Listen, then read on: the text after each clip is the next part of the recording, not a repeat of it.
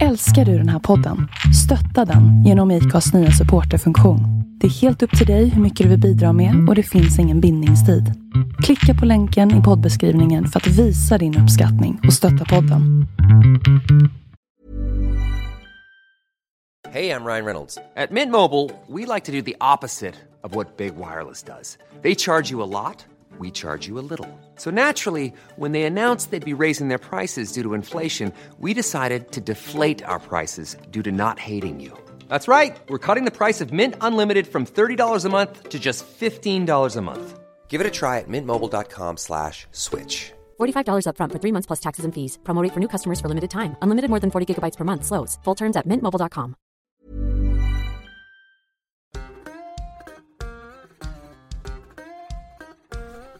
Hej och välkommen till avsnitt 53 av Vi måste prata. Idag gästas jag av Thomas Persson och vi ska prata om de UFO-observationer som inte går att avvisa som något annat än just oidentifierade flygande föremål. Det börjar bli en hel del lyssnare på podden och jag vill passa på att hälsa er som är nya välkomna och passa på att tacka er som stöttar. Du som vill stötta gör det lättast genom att bli Patreon och skänka en tia eller valfri summa per avsnitt. Det gör du genom att gå in på patreon.com och söka efter Vi måste prata. Du som blir Patreon kommer även ha förtur på biljetter till sommarens Vi måste prata live. Men nu, välkommen till Thomas Persson och vi låter honom berätta om vem han är. Ja, vem är jag? Jag är en 42-årig kille från västkusten, Kungälv. Um, södersta delen av Bohuslän är uppvuxen ganska nära havet i en liten, liten by. Och sen ehm, läste tekniskt på gymnasiet och sen lumpen, amfibieskytte och sen vart jag polis. Och har jobbat med eh, på utryckningen i Stockholms norra förorter. Jag läste på Polishögskolan i, på, i Umeå universitet och så 2005 började jag som aspirant i Roslagens polisdistrikt i, i Stockholms län. Och sen jobbade jag 6-7 år på utryckningen och sen flyttade jag till span Västerort och jobbade med eh, ungdomsrån och ungdomsgrova brott. Och sen jobbade jag med lite andra grova brott med spaning och utredde eh, även grova brott. Ehm, sen så var jag inlånad till eh, länskrim, spaningsmordroten på länskrim som det hette då. Ehm, och då upptäckte man, då föll jag ihop eh, mitt i en mening och upptäckte att eh, ja, jag fick ett epilepsianfall för första gången i mitt liv. Och, och eh, då upptäckte man att jag hade en hjärntumör så jag fick operera den, var tillbaka på länskrim där när eh, Drottninggatan terrordådet skedde eh, som vi hade och då sen kom cancern tillbaka så jag fick operera skallen en gång till.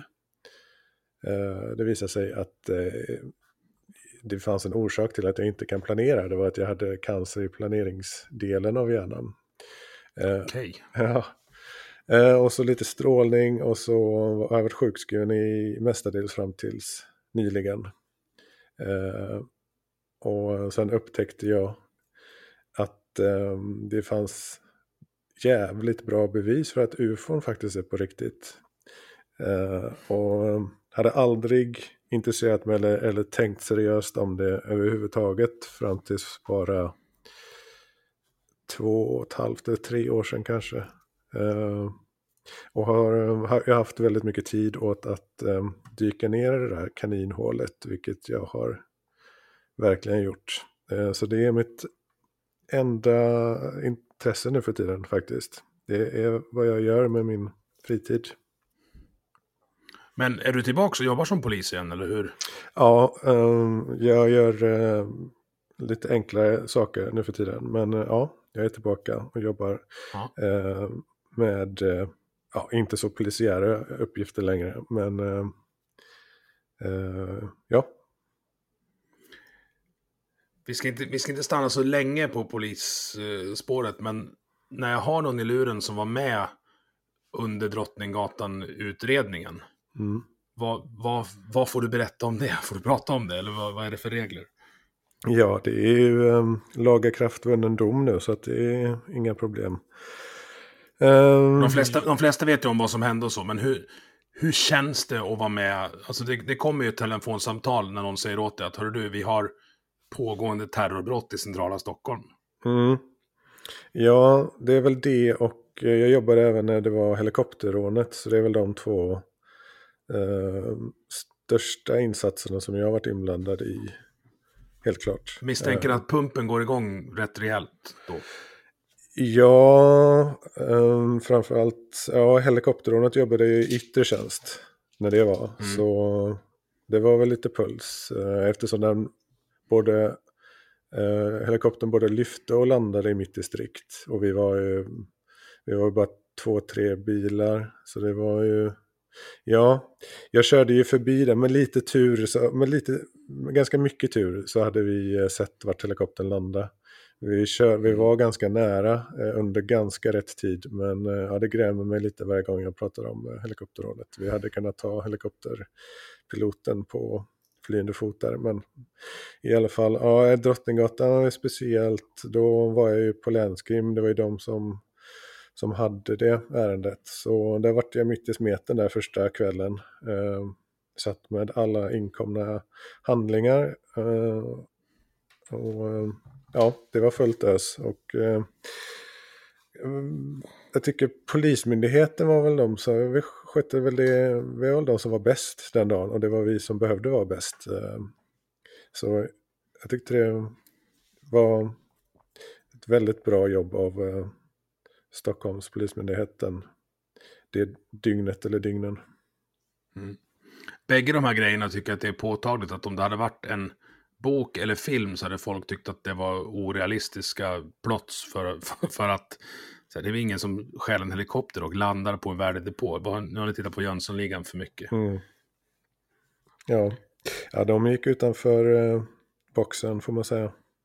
Hyfsat mycket. Men det är inte därför du är här, utan mm. vi ska prata om ufon. Och som du sa initialt, du tycker dig har bevisat med ett polisiärt utredningssynsätt på det hela att det finns något som flyger i vår atmosfär som vi inte vet vad det är, men de är här. Ja, eh, absolut. Um... Hur har du kommit fram till det? Ja, sälj, alltså... sälj in det till mig nu, för jag är okay. lite skeptisk. Okej, okay, okej. Okay. Um, ja, om jag ska sälja in det till någon, alltså man, då ska man jobba med Atos, eh, Patos och logos va? Uh, du mm. kommer inte få så mycket Patos kanske, men uh, de andra kan du få. Alltså, mm, du kan väl hitta folk som säger att jag inte var bra på att planera eller att jag var lite eh, dålig på få, fatt, få klart stora utredningar eller blanda ihop papper. Men du hittar nog ingen kollega som skulle säga att jag är eh, dum i huvudet eller dålig på bevisning eller eh, logiskt tänkande. Så det är väl, det, det känner jag ganska stor eh, självförtroende om. Eh, och sen, det var ganska lustig timing för när jag var sjukskriven där eh, ett par år innan jag upptäckte ufologin så läste jag mycket idéhistoria som jag är intresserad av och uh, jag läste även om konspirationsteorier som fenomen. Jag var lite fascinerad över de här olika tankevurporna som människor gör när de hamnar i konspirationsträsket om man säger så. Eh, alltså så feedback-loopar och, och, liknande? Ja, det, det, är eh, massa vanliga. Man tror till exempel att man tror inte att, eh, att eh, en stor händelse kan ha små orsaker. Man vill gärna, om det händer någonting stort så tenderar man att leta efter stora orsaker. Så det räcker ju inte med att eh, några simpla terrorister kapade eh, flygplan 9-11 utan det måste ju vara något större och var, skjuts det någon statsminister eller president så, så räcker det inte med en enkel simpel mördare utan man tror att liten, man glömmer att liten tuva kan stjälpa stort lass. Man letar efter stora anledningar och sen så när det sker någonting stort så finns det alltid mycket anomalier och eh, loose ends och Eh, sådana saker. Eh, och sen tenderar man att koppla ihop det man vill koppla ihop på, eh, på ett ytligt plan. Men det kokar aldrig ner till det kommer inte ner på Sveavägen som vi brukar säga. Mm. Det är alltså mots, motsatsen till Ockhams rakkniv då? Ja, ja det kan man faktiskt, ja, så kan man uttrycka det. Som gör då att, att ja, enklaste förklaringen eller minsta möjliga nämnaren är med största sannolikhet sanningen. Ja, precis. Det är en väldigt bra gyllene regel när det gäller allt sånt här. Eh, men tillbaks till din fråga om det är bevisat. Jo, eh, min bakgrund där ja. Ehm, jo, så jag hade läst en hel del. Jag har alltid varit intresserad av eh, idéhistoria och fysik och rymden. Alltså jag är ingen hobbyastronom eller något och jag är inget science fiction kille heller egentligen. Men eh, så det var ganska nytt viktig bakgrund. Jag hade ju verkligen liksom läst eh, om eh, religions... Jag var medlem i Humanisterna och var väldigt extremt så här eh, ateist, antiteist nästan. Och min största idol eller förebild i vuxen ålder är Christopher Hitchens. Som mm. är mest känd som religionskritiker. Läst alla hans böcker nästan. Eh, och så. Och sen upptäckte jag ufologin. Och då var det ganska bra att ha de här bitarna. Jag har jobbat med mordutredningar eh, på och rån och bevisföring och den här kunskapen om idéhistoria och om religionstänk och konspirationsteorier. Så det var en perfekt timing faktiskt att upptäcka. Det var ganska lätt. Jag märker att jag har lättare än folk som inte har jobbat med bevisning. Eh, jag tror att alla som har läst straffrätt ordentligt, eh, alla som kan straffrätt ordentligt, har en fördel när man ska ta sig fram i uh, ufologins värld. För det, det är ju inte allt som är sant direkt utan det finns ju några bra grundprinciper då, till exempel när man ska värdera, mycket handlar ju om vittnesmål och då brukar jag tjata om att det handlar om tillförlitlighet och trovärdighet. Du måste dela upp dem i de två kategorierna måste du titta på. För Hur definierar du dem då? Mm, uh, för att kunna göra en bedömning av hur mycket bevis du kan tillskriva ett vittnesmål så måste du se till trovärdigheten är då eh, berättar vittnet i fråga sammanhängande? Är det som att personen faktiskt har upplevt händelsen? Begränsar den sig själv i vad den har sett och observerat och vad den inte kan ha sett och observerat? Kan den berätta samma historia konstant eh, återkommande liksom om och om igen eller ändrar den på viktiga detaljer? Det brukar det finns saker som rimmar med trovärdigt vittnesmål när man håller flera förhör. Och det finns saker som rimmar med att man, med att man inte riktigt är sanningsenlig om man håller många förhör med en person. Så mm. eh, det är viktiga detaljer. Eh, och trovärdighet, det, det är ganska bra att ha stolpa upp de här grejerna, att man har ett, en grundidé om metodiken för att bevisvärdera. Men eh, vi har ju alla Eh, alla människor pratar ju med människor som, som talar mer eller mindre sanning i sitt liv. Så vi, vi, vi har ändå ganska mycket erfarenhet, alla människor, om eh, vem som är trovärdig och vem vi upplever som trovärdig eller inte trovärdig. Eh, och sen då tillförlitligheten är ju då din, din bakgrund, till exempel Eh, är du, har du någon relevant utbildning som är relevant i fråga för att göra observationerna eller ehm, är du stridspilot så, så har, kollas ju, du är inte dum i huvudet och du är inte, du är ganska kylig som i sinnet om du är stridspilot och du, dessutom så din syn och hörsel och kognitiva förmåga är testad och undersökt. Ehm, dessutom så kanske du ehm, har rätt mycket att förlora på att ljuga om en UFO-observation under stridspilot till exempel. Eh, jämfört med någon okänd person som kanske inte eh, har någonting att förlora på att hitta på saker på det området. Så det styrker tillförlitligheten.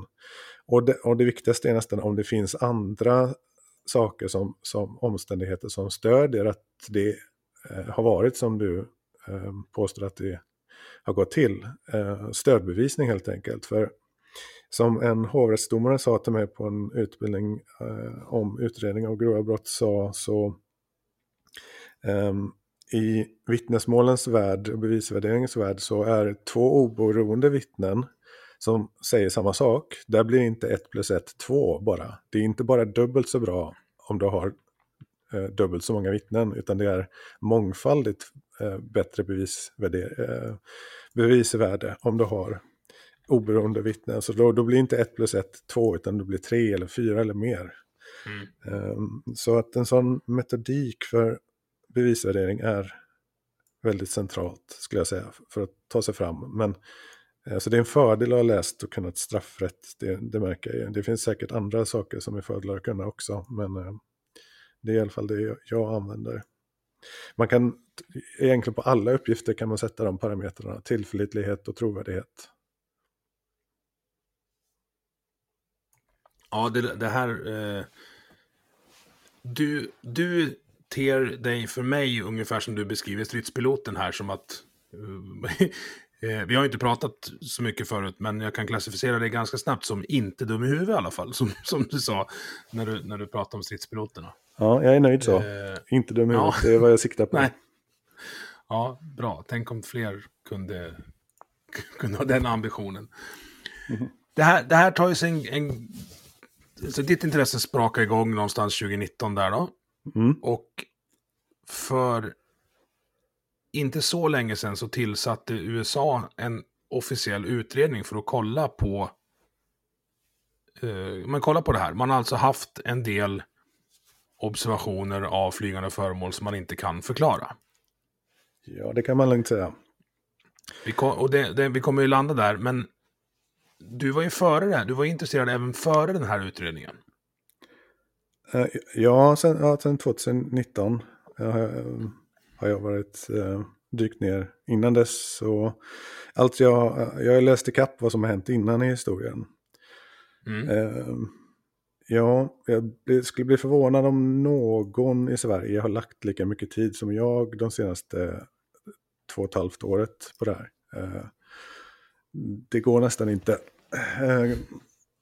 Um, så den utredningen, alltså den här nya utredningen, här, nu har de ju fått en lagstiftning på plats för första gången i historien som kommer att eh, bestämma att eh, Department of Defense och eh, underrättelsevärlden måste rapportera, de här myndigheterna måste rapportera till den här nya AOI-MSG-gruppen. Och eh, att det finns lagstiftning och en grupp som ska utreda UFO-händelser eh, med en budget, det har aldrig hänt förut. Eh, men det här är ju en process, det har ju precis hänt, det kommer ju på plats nu vid årsskiftet.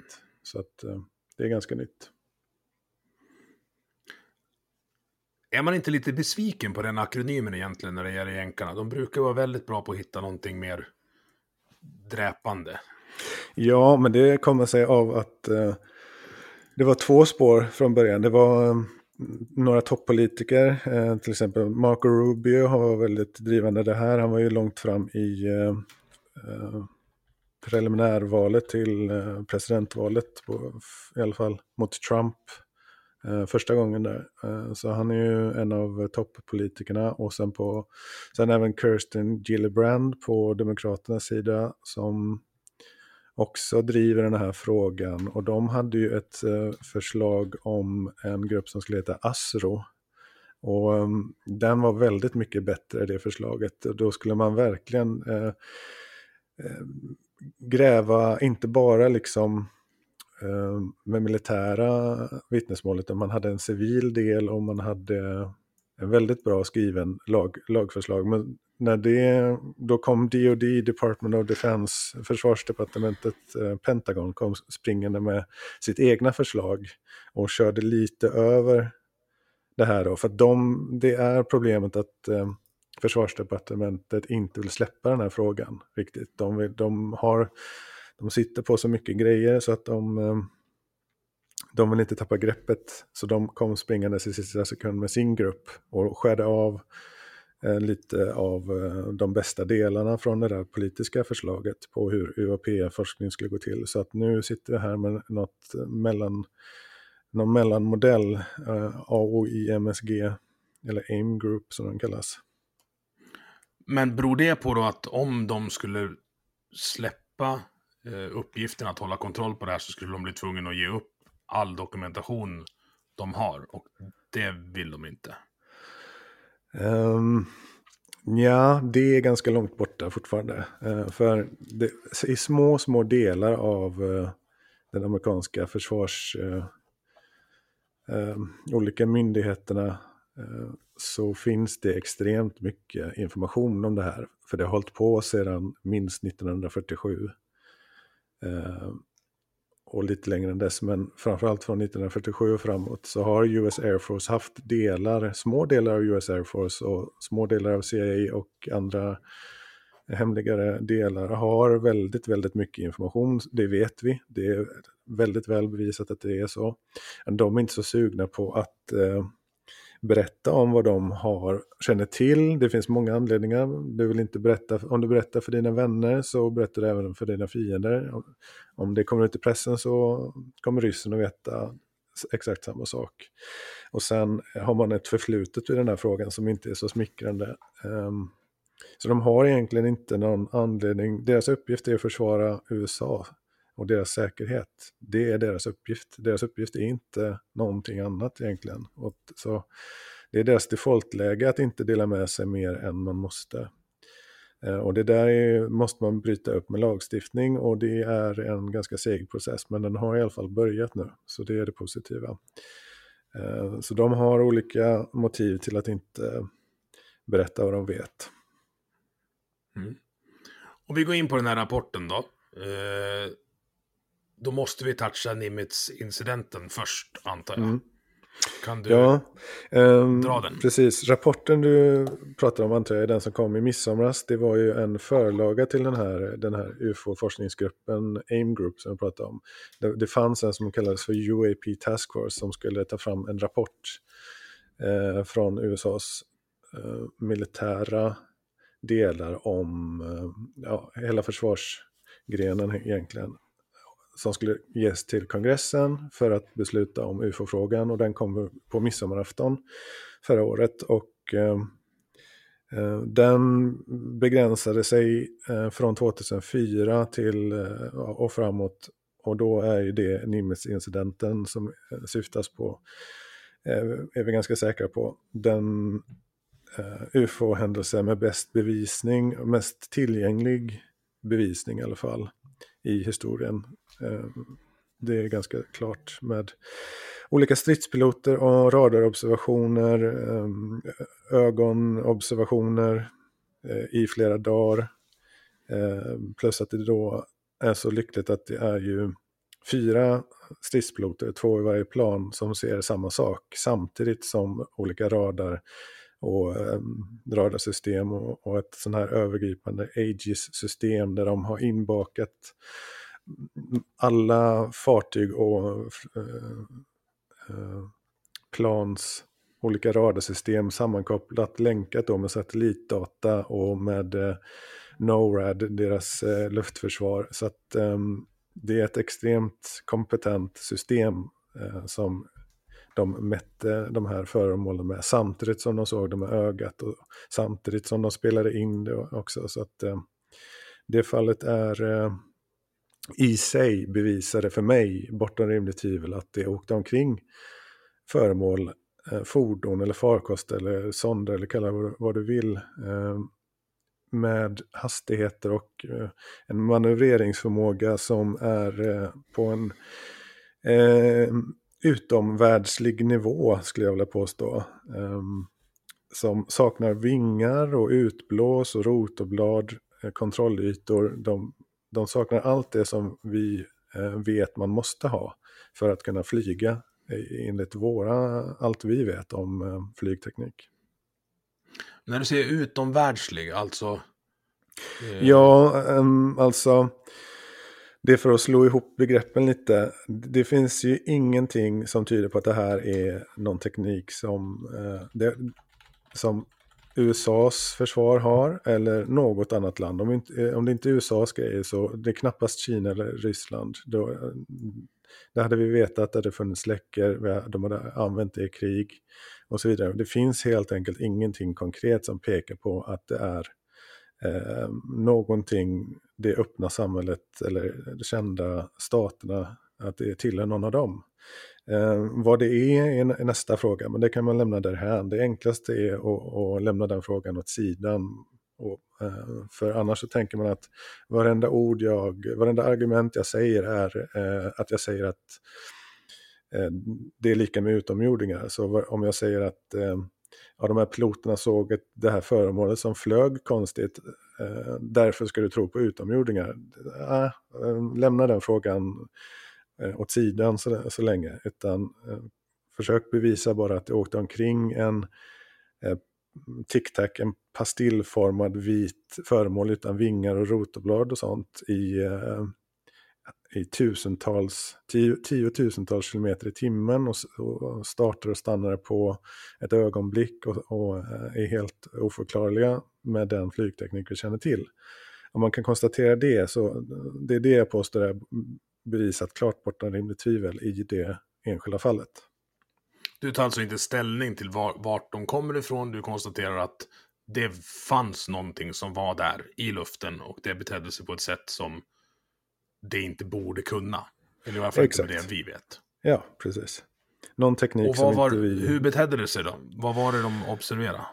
Ja, de här eh, vita avlånga tic-tacs-föremålen då, de eh, flög ju ner från 80 000 fot till havsnivå på 0,78 sekunder. Ehm, de kunde accelerera, accelerera i, i sådana termer från stillastående till utanför synhåll på ett, ett, ett, ögonblick. Liksom. Verkligen en ögonblinkning, en snabb ögonblinkning. Och på radarn oh, uppmätte man... Jag var tvungen att snabb, snabbgoogla lite här. Alltså 80 000 mm. fot, det är två och en halv mil upp i mm. luften. Yes. Man har och sen på... pang så var de ovanför vattenytan. Ja, då var de helt plötsligt på så 50 fots, eh, så några meter ovanför vattnet bara. Så att det är omöjligt. Det är, det, det är helt omöjligt att man kan eh, röra sig på det sättet. Det, det går inte, utan eh, om, om de har räknat, några fysiker har räknat på det då, om man räknar med att eh, den var ju stor som ett stridsflygplan. Eh, den var ju 40 fot, eh, så 13 meter lång eh, och eh, eh, avlång som en stor tank om man säger så. Eh, så att om, om de räknar att den vägde ett ton bara eh, om den var lika stor som ett stridsflygplan fast eh, de väger ju flera, flera ton. Men om de räknar på ett ton så skulle det där ge G-krafter på tusentals G. Mm. Eh, och tusentals G, ett modernt stridsflygplan faller isär vid, vid 11-13 G ungefär. De, och då är det ändå hyfsad build quality i stridsflygplanen. mm, precis. Det är ju ja, det, är det Ja, men det är väl det mest avancerade vi har skapat. Ja. Förutom möjligtvis rymdraketer. Ja, exakt, exakt. Så ja, med sensorer och sånt så är det ju verkligen eh, det mest avancerade. Men eh, ja, de, är, de ska ju tåla liksom en max eh, sväng i full fart. Men de klarar ändå inte mer än 12-13 G ungefär. Och det här är hundratals, alltså det finns, även om du drar ner på siffrorna så, så är det fortfarande så stora siffror så att det, det är helt omöjligt att eh, det är vanlig flygteknik det handlar om. Utan det är någonting mm. annat. För man har ju dragit ner, som du säger, jag sitter och googlar här nu vad, vad F-18 Super Hornet är väl det värsta jänkarna har att skicka upp. I varje fall på den tiden. Det var mm. väl sådana som var uppe och kikade på dem, om jag inte missminner mig. Det, det, jag det var det, ja. Precis. Eh, den kan inte ens den är inte i närheten av upp på de höjderna. Alltså den är på en och en halv mil. Ja, ja. Nej, den kan inte flyga högre. Nej. Och den väger 25 ton. Så de ja. har ju liksom verkligen eh, glädjekalkylerat, eller vad man ska säga, för att, ja. för att försöka få in det under befintliga fysiska lagar. Men det, mm. det går inte. Nej, det, det, det går inte. Då, då det, är helt omöjligt helt enkelt. Den som hävdar det har inte gjort sin hemläxa. Det, det, går inte att röra sig på det sättet med den teknik vi känner till. Så det är någonting extremt med den här tekniken som är på en helt annan nivå än allt vi känner till. Um, och då är det många som vill tro att det är, trots allt är något hemligt amerikanskt projekt. Men det finns väldigt många goda argument emot det och det finns inget ingen konkret omständighet som tyder på det. Och det är en käpphäst också från straffrätten. Du måste ha konkreta omständigheter. Eh, du kan inte bara ha en teori. Om du, om du bara har en teori och inga konkreta omständigheter som tyder på det, då är det inget argument som skiljer det från ren fantasi. Och så är det om det. det, det har, de, har, de som känner till de här insiders som jobbar innan, inom de hemliga programmen och de som haft översikt över hemliga program. De har konstaterat det här om och om igen, att sluta säga tro att det är hemliga projekt. Det är inte det. Men folk vill inte släppa det riktigt för att um, det blir jobbigt om man släpper alla de här livlinorna. Eh, liksom, man vill ha kvar sin gamla uppfattning om att det inte är någonting konstigt, att det är något eh, mänskligt konstruerat. Så, så vill man gärna inte släppa de här halmstråna. När man pratar om rymdresor så är man ju och nosar på Eh, och även om du inte säger att det är från, från eh, andra planeter eller andra, du har hela dimensionssynvinkeln på det också. Men man är och nosar på att man måste bråka med två saker, som jag förstår. Eh, du måste eliminera gravitationen på något sätt, men du måste även börja slåss mot det så kallade rumtidsbegreppet. Mm.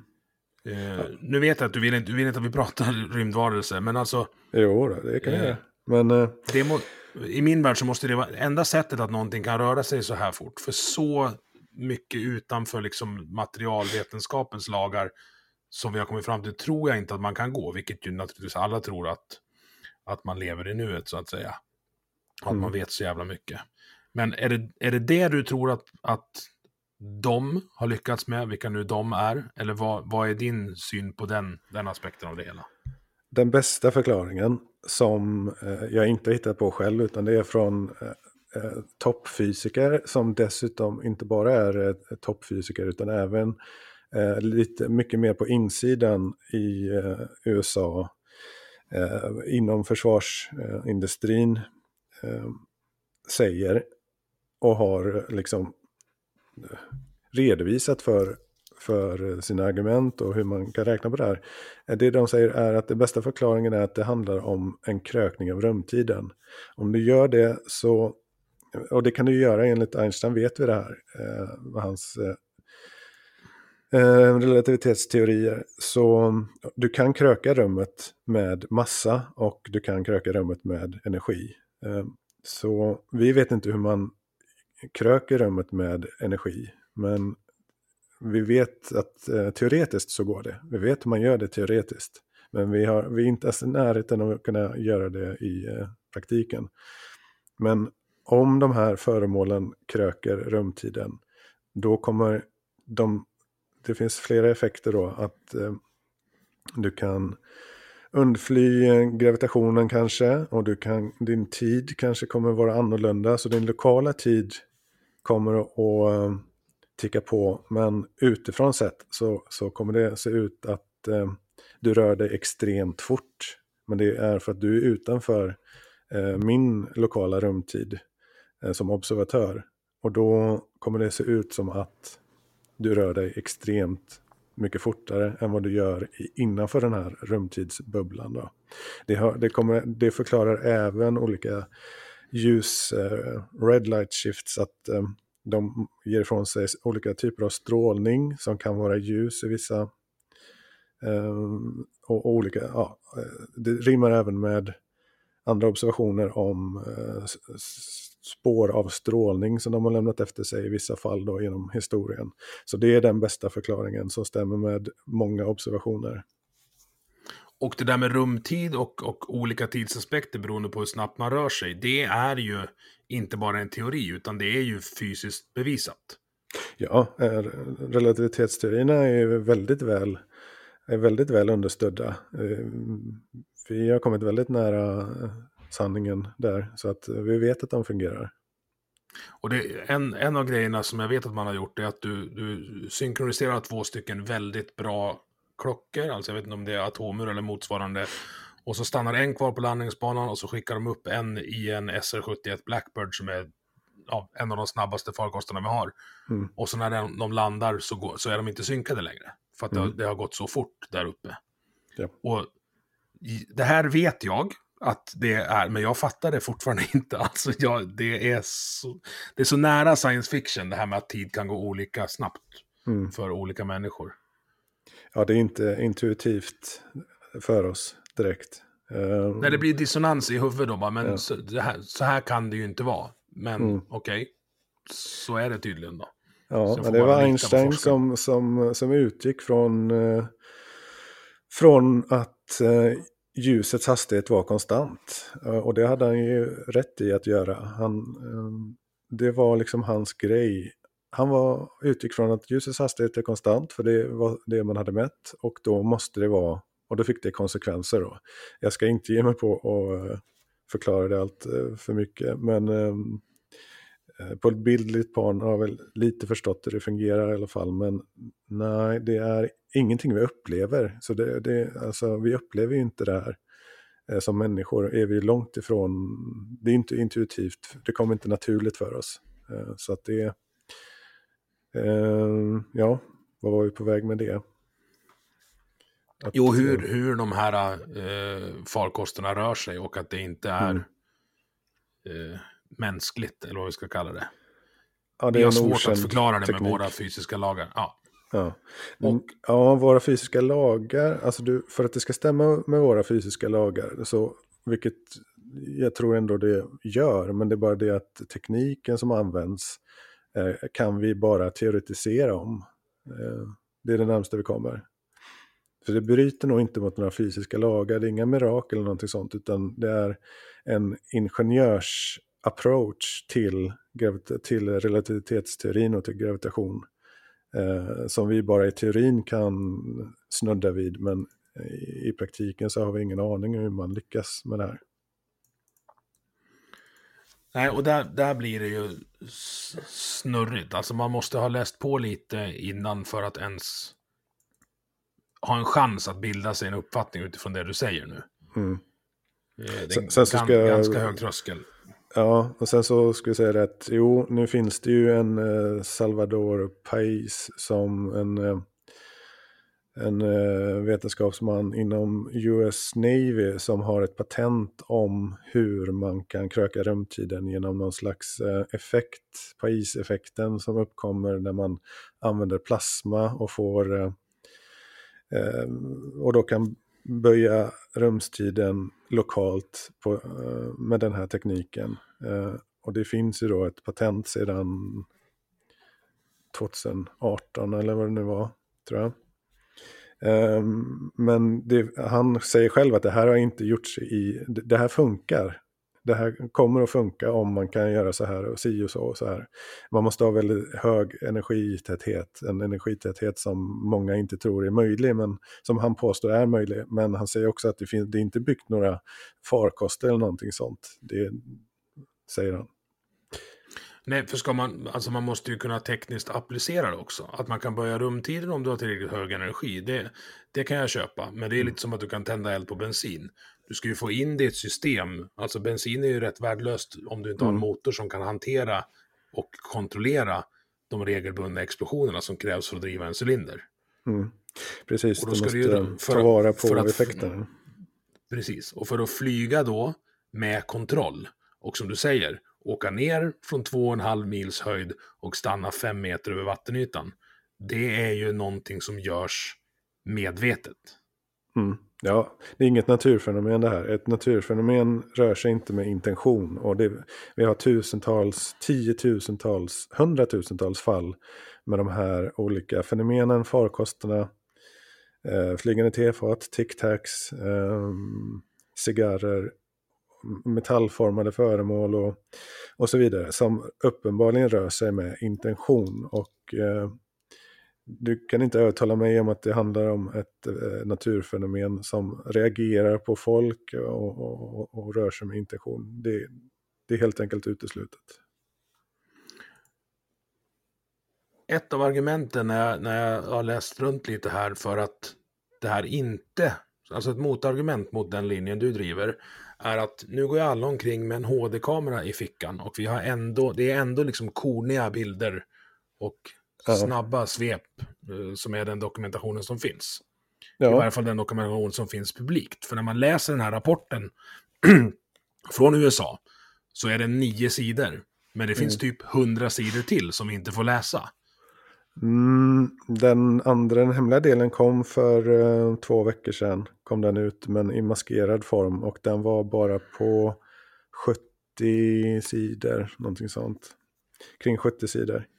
Eh, sen så, Fanns det något nytt i den som, som man behöver veta? Ja, mm, det blir lite mera eh, högupplöst, lite, mm, lite, lite mer kontext till den offentliga rapporten. Men de har maskat alla de smaskiga grejerna.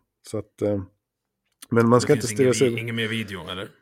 Nej, inte som är släppt, nej. Men det, det, den här rapporten, den hemliga rapporten som bara de här kongressledamöterna i de här olika försvarsutskotten fick se, det var ju en lång dragning med eh, filmer. Eh, den beryktade 22 minuters filmen med som ska vara helt... Eh, det är den filmen och den här eh, rapporten som har förändrat eh, många av de här kongressledamöternas inställning till att eh, ta det fullständigt på största allvar nu, sedan dess.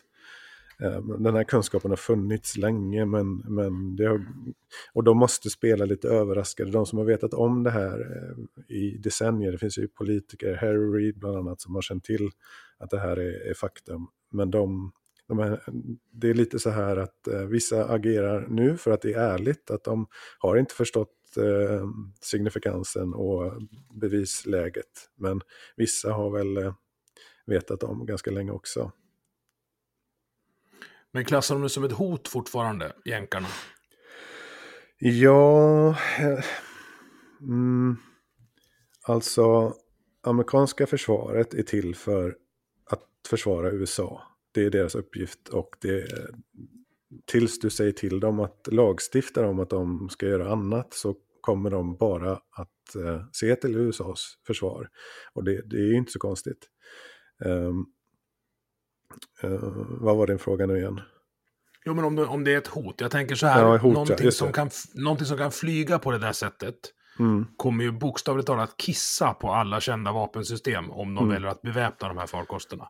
Jo, precis. Jo, nej, men de, de vågar ju inte säga att det här inte är ett hot. Det är, eh, det en eh, man som heter Elizondo brukar dra ett exempel. Om du upptäcker skospår i din bostad eh, över natten, att du upptäcker att det har varit någon eh, skospår inne i medan du har sovit, är det ett hot? Ja, det, det är ett potentiellt hot, eller hur? Eh, Man Det är ganska en- obehagligt. Ja, utan man, de, man kan ju inte... Den amerikanska försvarsmakten och, och underrättelsetjänsterna, de betraktar ju allting som ett hot tills eh, det är bevisat inte ett hot. Det är ganska Mm. logiskt och vettigt, eh, för det, det är deras enda uppgift. Så de har, kommer inte avskriva det i första hand, att det, de kommer aldrig uttala det att det inte är ett hot, men eh, de har också, genom varven så har de ju lagt ner olika ufo-forskningsprogram med motiveringen att eh, det inte är ett hot. Så att det är lite, lite hur det behagar dem också att spela på hotkortet eller inte. Det kan ju vara ett sätt för dem att, att eh, som du säger, behålla det inne i Department of Defense istället för att skicka iväg det någonstans.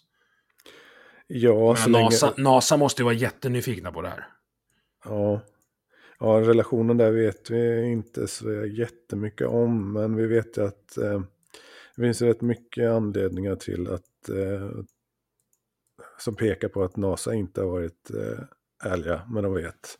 Det är ganska uppenbart när man forskar lite i det här att de har ju gjort en massa saker. Det är interna dokument och det finns eh, filmer från rymden eh, och live-feeds eh, feeds som bryts och, och, och sånt som pekar på att de inte alls har varit ärliga med vad de vet heller. Det, det är en stor PR-grej.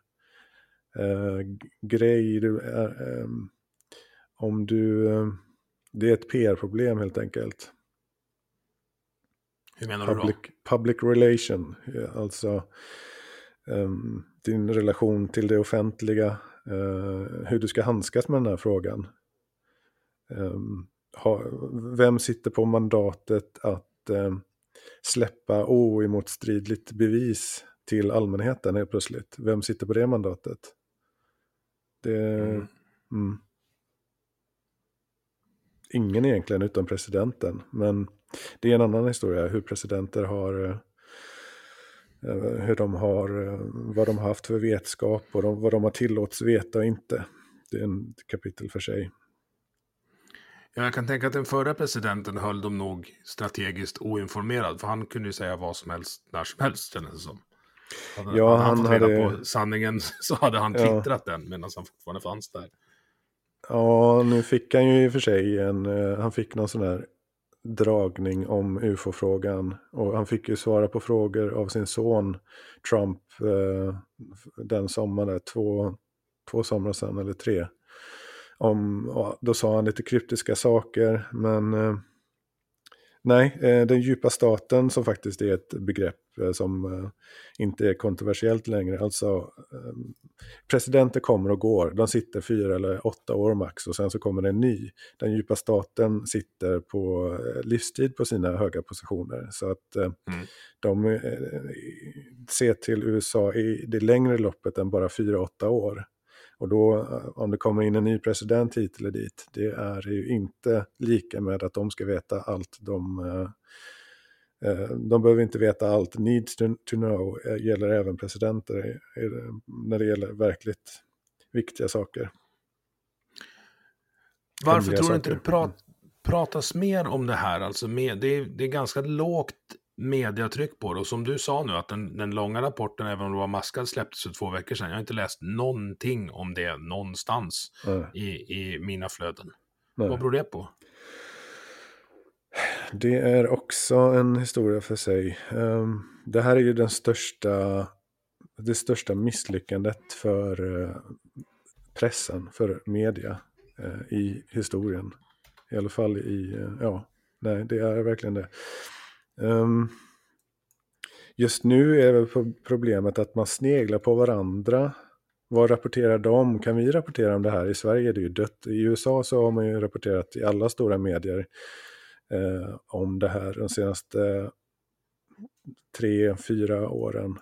Och framförallt senaste två åren kanske. Så man tar det på allvar i amerikansk eh, media. Ja, det är alltid med sådana här nervösa skämt och, och sånt där. Men, men eh, det är ändå på prime time, CNN och eh, Fox och eh, alla de PBS och har tagit upp ämnet. I Sverige är det ju verkligen inte mycket att prata om. Och det är ju ett litet land, vi ligger lite efter, de, mediehusen sneglar på varandra, vad kan man skriva, vad kan man inte skriva. Eh, och det finns inte så många röster att gå till i det här landet. Eh, vilket kan vara ett problem. Men man får lyssna på min podd, så får man Ja, höra. och min. Mm. Mm, ja.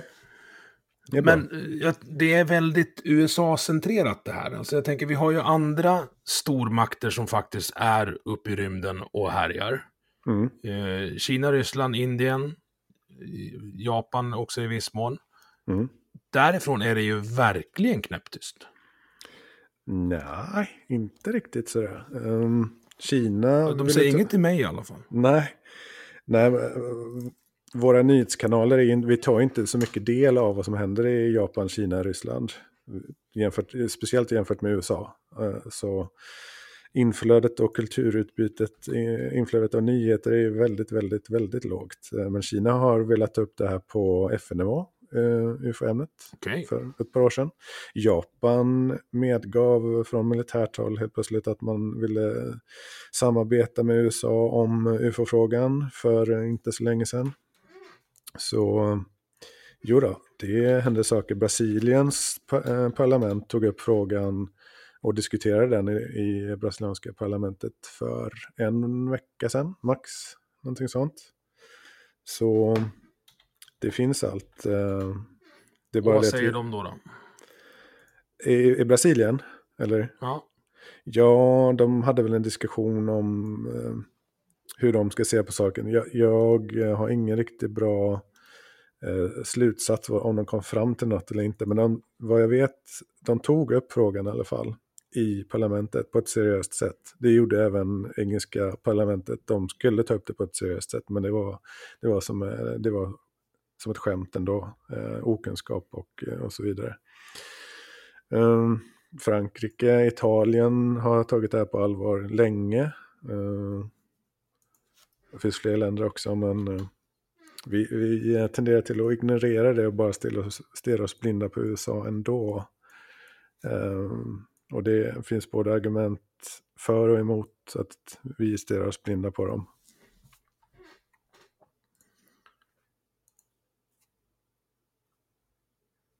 Jag tänker, jag tänker så här. Eh, om, vi ska, om vi går tillbaka till, där, du pratade om sannolikhet där i början. Eh, en aspekt i det hela som jag tycker man utelämnas, i varje fall i det jag har läst nu och som sagt, jag, jag böjer mig för, för, din, för din kunskapsnivå är avsevärt högre än min. Men det här med dimensioner pratas det ju väldigt sällan om, utan det, det är, du konstaterar att någonting har varit här, gemene man har en tendens att säga, ja men det är uh, rymdvarelser. Vi mm. lever ju in, i en fyrdimensionell värld, vad vi ska mm. kalla det. Alltså mm. upp, ner, höger, vänster, fram, bak och tid. Det är de fyra aspekter du måste ha för att, ja men säg att du ska träffa en människa någonstans. Mm. Har du varit inne och snuddat på det, alltså multidimensionella varelser? Är det flerdimensionella jämfört med oss? Ja visst, det är ju en av teorierna. Den eh, extra dimensionsteorin och interdimensionsteorin. Um, och sen ET-teorin då. Uh, det finns olika förklaringar eller teorier, hypoteser. Jag skulle säga, enligt mig så finns det en, en teori värd namnet teori och sen finns det hypoteser utan stöd i verkligheten. Uh, för att det skulle, det är många som tror, det finns ju världens främsta ufolog, kanske Jacques Vallée, fransmannen, han eh, har ju sina poänger med varför det inte är utomjordingar. Eh, men jag, jag, tycker han har brister i, sin, i sina argument om, om det där. Um, Ja, det är lite det. Jag vet ju att US Air Force och svenska flygvapnet eh, gläds ju åt att vi sitter och bråkar om ifall de, att det är utomjordingar eller eh, tidsresenärer eller från andra dimensioner istället för att konstatera att det är en icke-mänsklig intelligens här.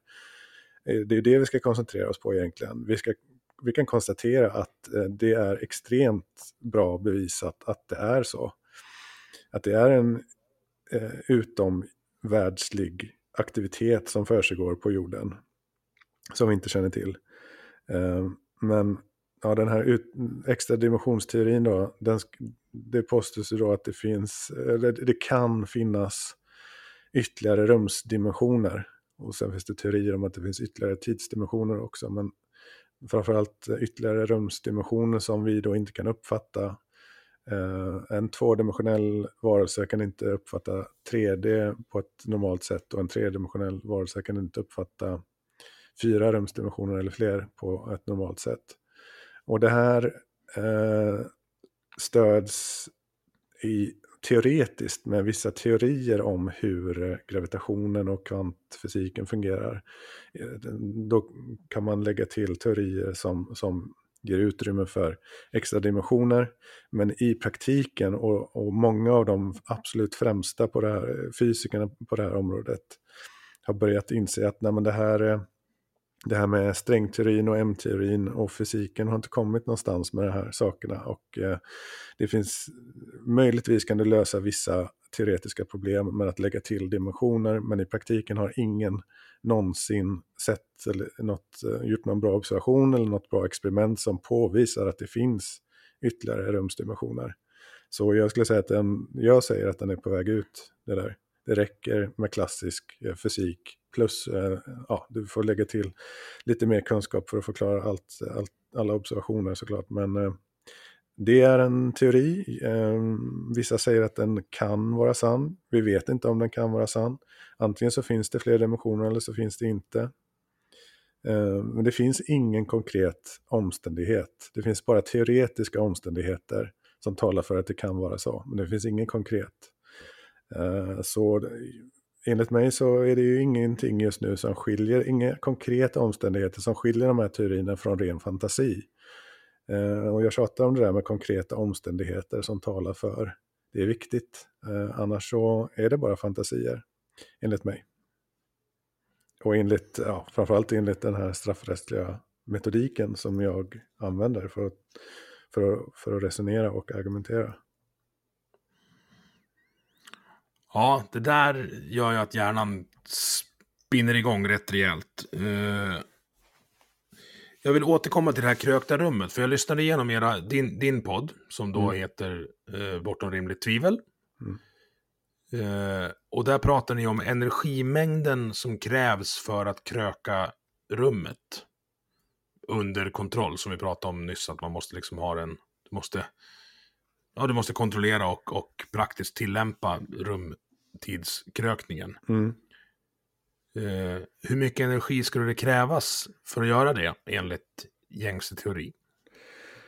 Um, Ja, man har ju räknat på vad det skulle krävas för energi om de här tic-tacsen skulle röra sig eh, i vår vanliga luftrum så att säga, utan att kröka rummet. Om man skulle göra de här eh, accelerationerna och inbromsningarna så skulle det kräva eh, gigawatt, alltså hela länders energiåtgång för, för att göra sådana accelerationer. Eh, och det går helt enkelt inte. Dessutom skulle det smälla något otroligt med alla ljudbangar. Och det, det är ett konstant eh, avsaknad av ljudbangar vid de här typerna av observationer. Eh, ljud överhuvudtaget är extremt ovanligt. Om det är något ljud så är det väldigt låga ljud och eh, det går inte ihop med den energi åtgången som skulle krävas. Eh, att det skulle vara så tyst. Eh, det går helt enkelt inte. Och energin som skulle krävas för att kröka rummet, ja det är ju liksom enorma siffror. Eh, så stora energiåtgång så att eh, vi vet knappt om det är möjligt om man säger så. I teorin är det vissa som, som tror sig då veta nu för tiden att eh, det går.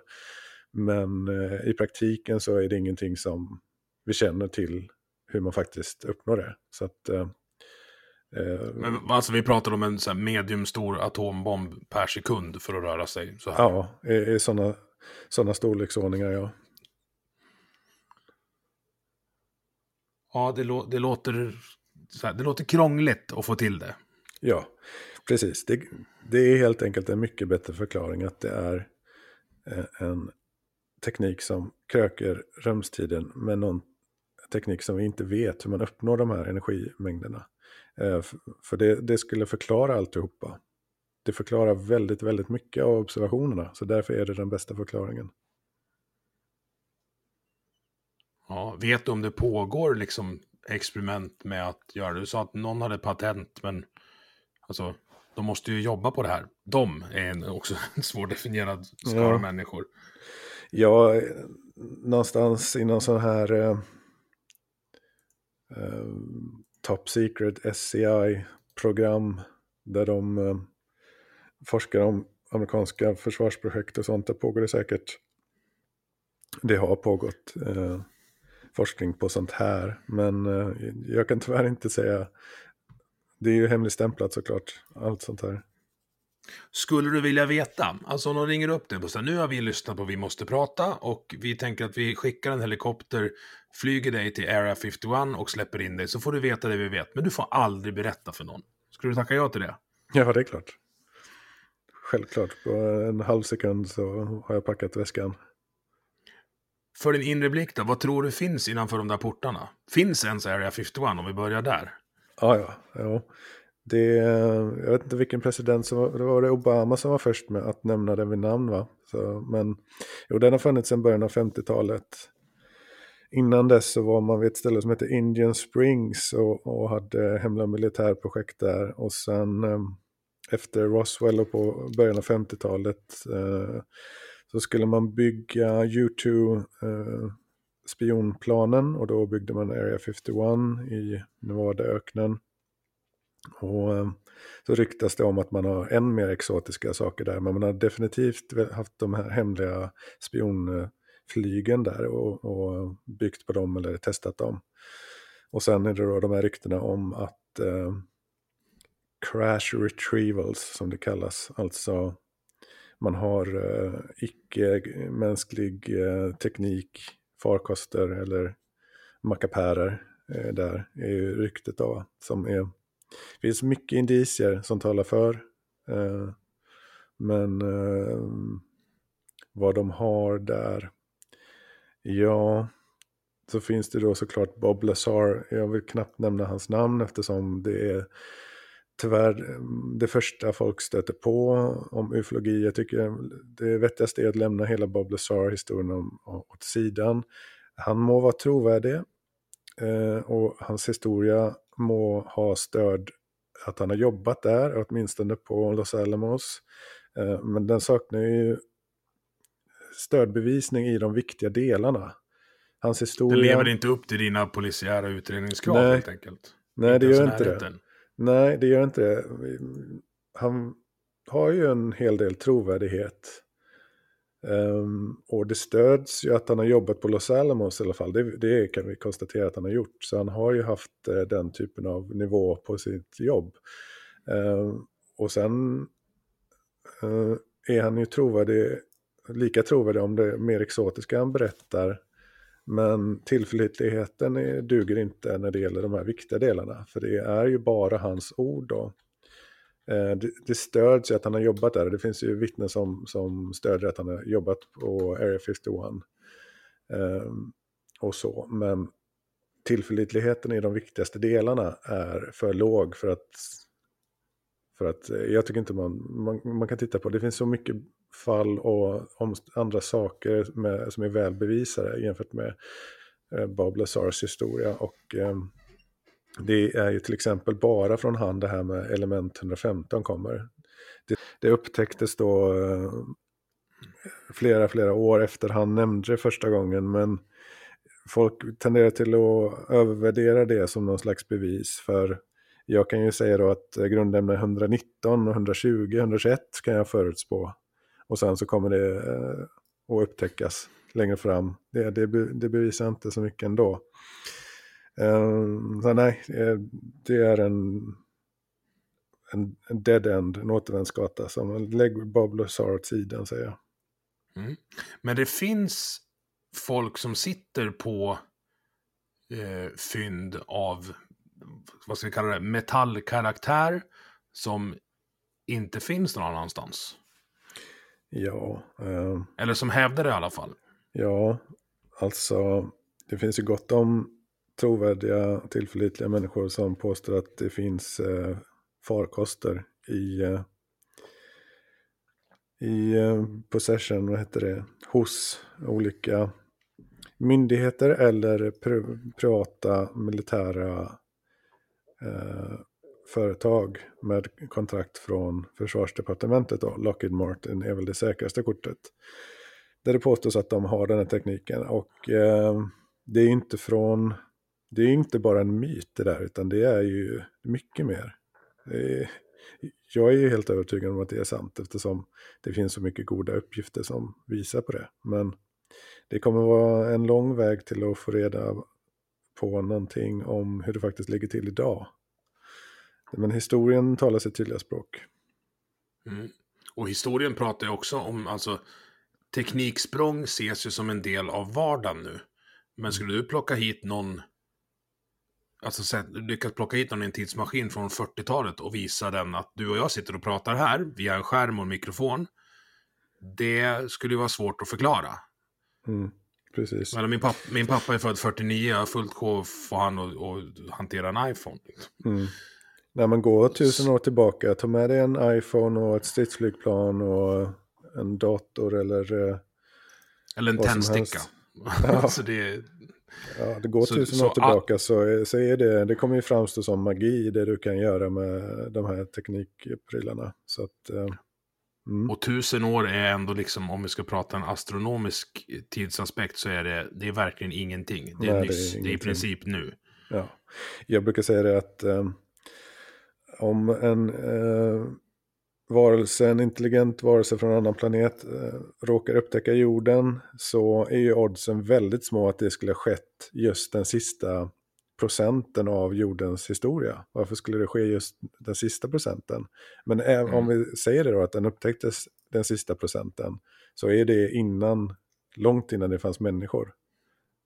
Så oddsen säger att om vi upptäckte av en annan varelse så är det, det har inte skett nu, utan det har ju eh, den här tidsrymden är en väldigt viktig aspekt som är lika svår att förstå sig på som hur stort universum är. Lika svårt är det för oss att förstå hur gammalt det är. Mm. Eh, de här tidsrymderna är en viktig faktor som eh, är svår att tänka kring för vi, vi våran, våra tidsrymder som vi kan greppa de sträcker sig inte så långt. Eh, så det, det är väldigt mot vår intuition det också det är mycket när man, alltså när man pratar sannolikhet där som du säger. Du har, du har rummet, universum och du har tiden. Och att det skulle uppstå. Det är lite som Lotto. Alltså det är inte konstigt att någon vinner på Lotto. Det är sant, mm. någon kommer ju vinna på Lotto. Ja. Men att peka ut vem det är som kommer vinna på Lotto, det är ju högst osannolikt. Eller att det skulle vara jag. Mm. Samma sak är det i universum, alltså att det, det är statistiskt omöjligt att vi skulle vara den enda civilisationen som uppstår under den här tidsaspekten. Men att ha två civilisationer samtidigt på samma ställe, eller i varje fall i en sån närhet att de kan få kontakt med varandra, det är ju ganska osannolikt. Ja, om du tänker utifrån våran teknik just nu, ja. Mm. Mm. Men, det där äh, får du utveckla. Ja, men om du extrapolerar från vår utveckling och går eh, 10 000 år i framtiden. Kolla på tekniksprånget från eh, de tre sista århundradena till exempel. Så händer ja. inte så mycket från eh, 15, 16, 16, 17, 18, 1900-talet. Ja, i, häst och vagn. Ja, i 18-1900-talet, där började ju, där finns ju i alla fall en väldigt framstående vetenskap.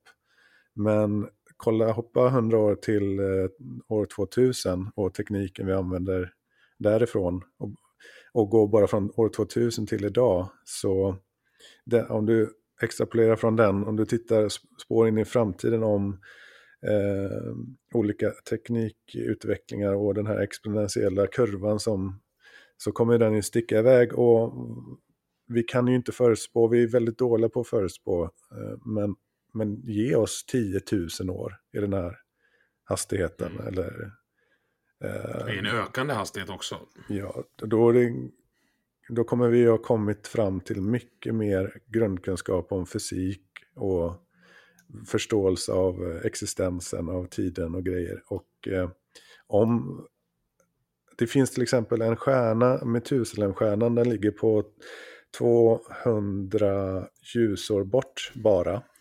Och den är lika gammal som universum. Den är lika gammal som universum. Den är över 13 miljarder år den stjärnan och eh, troligen så har den flera planeter runt sig. Och den har ju då alltså den har ju alltså över, äh, 10, mer än 10 miljarder års försprång. Eh, så det finns ja. ju planeter i vår galax med upp till 10 miljarder års försprång kanske. 9 miljarder år. Det är inte omöjligt. Ett par, visst ta bort hälften då, okej. Okay. Ett par miljarder års försprång. Det räcker gott för att eh, inse mm. att allt är möjligt när det gäller avstånd. Jag tror inte att vi kommer att åka med några jävla FIS-raketer om 10 000 år som skjuter ut eh, gas och, och eh, eh, eld i ena änden för att komma åt andra hållet. Knappast. Och även om det vore fallet, även om det, det vore fallet, om du tar universum, vår Vintergatan är så gammalt så om du skulle ta en, en eh, sån här kryssningsmissil, om du, bara, om du reser i den farten, det är mycket långsammare än våra rymdfärger till exempel, men om du tar den farten så, så är Vintergatan så gammal så du skulle räcka att eh, åka tvärs över Vintergatan. Tvärs över, från ena sidan över mitten till den andra på eh, sju gånger med den fisfarten. Ehm, um, rymdfärjan Apollo, vad var det, 10, den färdades, den satte hastighetsrekord med 40 000 kilometer i timmen tror jag det var. Uh, ja, det var det. Uh, den skulle hinna åka från ena sidan, eh, den skulle korsa Vintergatan 25 gånger om den åkte i ett par miljarder år. Uh, från starten mm. av Vintergatan. Så att, och sen det här idén om självreplikerande teknik, att eh, saker som bygger sig själva och expanderar. Det, fin det finns helt enkelt, ta det från professor eh, i fysik, Kevin Knut, han har räknat på det här och det, det finns gott om tid för att hela vår eh, eh galax är eh, utforskad av eh, varelser som, eh, som har några miljoner års försprång, eller en miljard års försprång, om du så vill. Vad skulle de varelserna ha för utbyte av oss då? Så det finns någon som brukar prata om den här teorin om en myrstacksliknelse. Eh, mm. Att en ja, myrstack kan ju vara kul att stanna och titta på en stund, men så jävla spännande är ju inte de jämfört med oss. Nej, tills, någon eh, miljard tills de börjar bygga kärnvapen och grejer och ska in i vårt samhälle och sånt. Då blir det lite, jag menar vem vill ha ut en tribal apa med kärnvapen i rymden? Det, är ingen, det, finns ju ingen vits med att hjälpa dem ut i rymden direkt förrän de Nej, och det är, det, det är oss du beskriver. Ja, exakt. Så om inte de här eh, aporna på eh, jorden kan eh, ens sluta fred mellan öst och väst så att inte det här kärnvapenhotet är så påtagligt så varför ska vi ha ut dem i rymden? De är inte mogna. Utan eh, ett intelligent samhälle tänker ju extremt långsiktigt. Så att kanske kan vi tillföra något i framtiden men det kommer ju inte... Eh, vi kommer inte bli hjälpta ut i rymden av några utomjordingar under min livstid. Det är helt... Eh, helt idiotiskt att tro någonting sånt. De oddsen är extremt små. Jag är verkligen ingen trekkie, men jag tror att det är Star Trek som, där den internationella galaktiska federationen, tror jag de heter, har liksom ett, en överenskommelse att innan en civilisation klarar av att åka snabbare än ljuset så får, de, får man inte kontakta dem. Är det inte så? Mm -hmm. Ja. Jag tycker det, tycker det är ganska, på ett filosofiskt plan så är det ganska så här, ja men de är inte redo än. Nej. Det, finns, det finns ingen idé att prata, de kan inte hantera att det kommer ner, att, att vi landar. Nej, precis. Nej, det här argumentet som ofta dyker upp eh, i början, de flesta ställer sig frågan, men varför landar de inte på Vita husets gräsmatta? Ja. Eh, ska de landa framför en de gaggig... De som sitter inne i huset. Eh, landa framför en Trump eller en gaggig senil gubbe med eh, fingret på kärnvapenknappen? Mm, ja, det, det, är lite väl... Det skulle vara som att uppfostra en unge genom att ge dem en käftsmäll. Det är inte så eh, man lär sig. Nej, jag tycker det här, de, här filosofiska diskussionerna tycker jag är, är väldigt intressanta. Det påminner om det här, den, den, eh, den språkliga, de språkliga problemen med att hitta ett varningssystem för slutförvaring av kärnkraft till exempel. Att hur vet vi hur vi ska, hur ska, hur ska man rita en varningstext här som, som nästa generations varelser klarar av att, att se? Förstår du hur jag menar och hur, de, hur de korrelerar? Nej, en gång till. Ja, men så här, när, när du ska gräva ner utkänt kärnbränsle mm. så måste du ha en varning på dörren. Just det. Som alla kan förstå, oavsett när de hittar det här. För det är farligt så pass länge att det kommer eventuellt vara farligt efter att människor har dött ut. Så då vill man inte att nästa, nästa sorts varelse mm. som bor på jorden ska, ska bli strålskadade. Och samma sak är det här. Alltså jag, vi som civilisation, vad, vad kallar du oss? Tribala apor med kärnvapen. Mm. Ska vi ens... Ja. Jag, jag tror de tittar på oss. Om det, om det nu är rymdvarelser så är vi någon slags Skansen för dem. De bara så ja, nu ja. kan vi åka dit och titta på dem en gång till. Titta på ja, löjliga F-18 Super Hornet som vi liksom är, är svinstolta över, men som de tittar på som ett som en jävla stenslunga eller möjligtvis slangbälla. Ja, precis. Häst och vagn i princip. Ja, Det- men tro, tror du att vi kommer få veta, du, vi är jämngamla du och jag, Mm. vad, var är den här diskussionen när det är dags för oss att stämpla ut om en 60-70 år? Eh, ja, förhoppningsvis så har vi eh, konstaterat att det är... Eh, jag tror, ska jag säga, att vi har konstaterat att det är utomjordiska varelser som orsakar de här fenomenen. Eh, det tror jag. Jag, alltså, man ska, det jag säger inte till någon att någon ska ta mitt ord för det, men att det är en eh, icke-mänsklig intelligens närvarande, det är jag, enligt alla konstens regel, regler så säger jag att jag vet att det är så. Uh, hur kan jag påstå att jag vet det då? Jo, enligt den klassiska definitionen. uh, att det är sant, att jag tror att det är sant och jag har goda skäl för det. Sen så behöver man en bra metod för att ha goda skäl.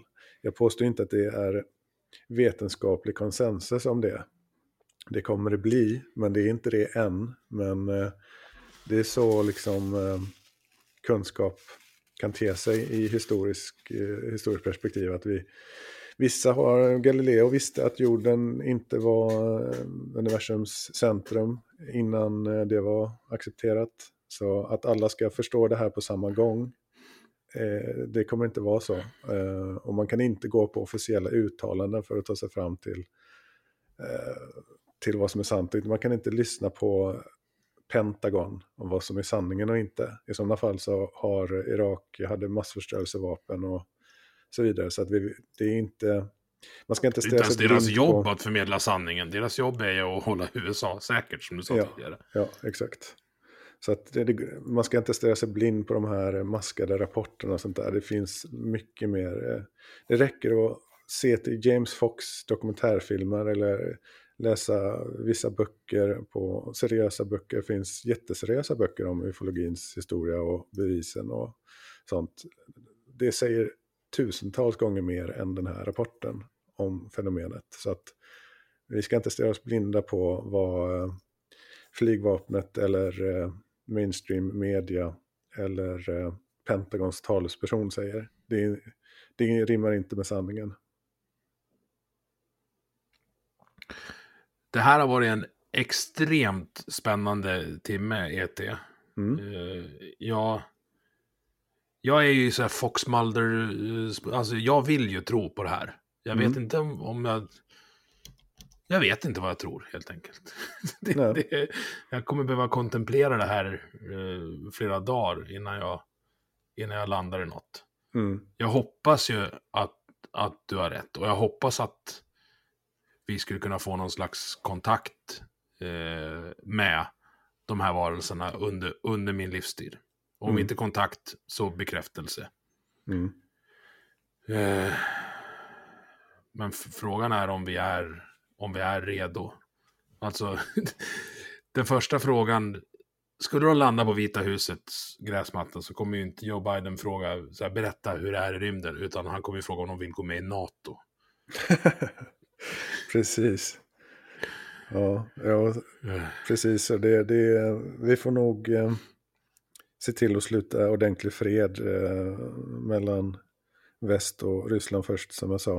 Eh, det borde vara vårt första fokus. Vi borde ha gjort det bättre vid det här laget. Nu, nu är det dags att steppa upp och bevisa att vi är en modern, civiliserad varelse och få bort Putin och sluta en riktig fred med Ryssland. Mm. Eh, och det, det hjälper. Jag hoppas att jag har fel om det här, men den där jäkla Putin kommer och kriget kommer att sluta och han kommer sitta kvar och det här kommer dras ut på. Nu har vi chansen att med alla möjliga, vad som än krävs, så ska han bort och vi ska ha en riktig fred mellan öst och väst.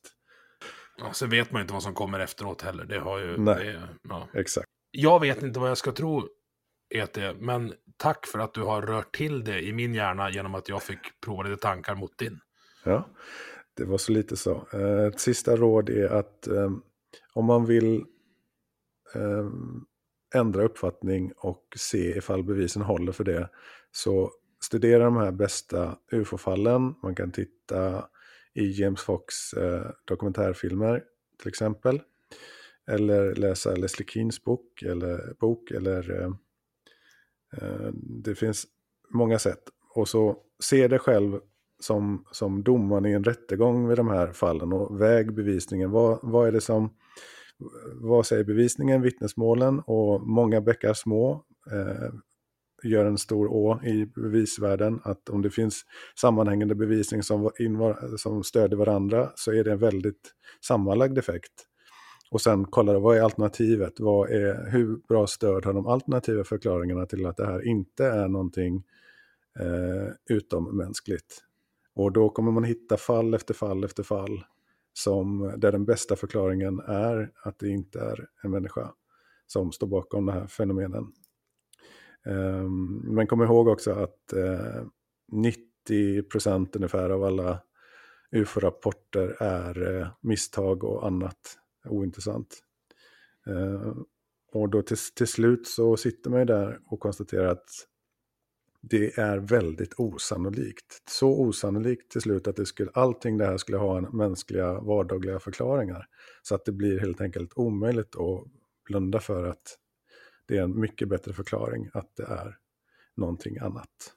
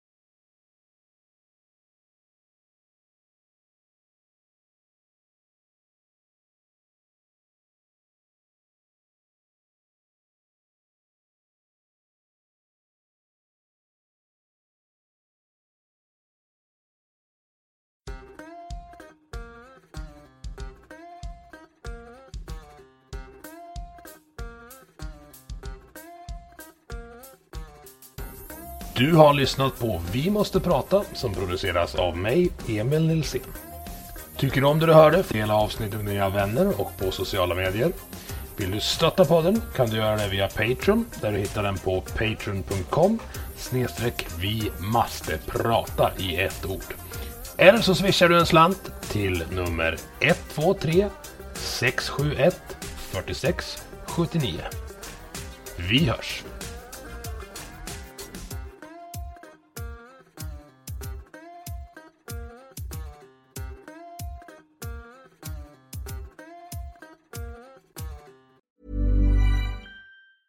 Planning for your next trip? Elevate your travel style with Quince. Quince has all the jet setting essentials you'll want for your next getaway, like European linen, premium luggage options, buttery soft Italian leather bags, and so much more. And is all priced at 50 to 80% less than similar brands. Plus, Quince only works with factories that use safe and ethical manufacturing practices. Pack your bags with high-quality essentials you'll be wearing for vacations to come with Quince. Go to quince.com/pack for free shipping and 365-day returns.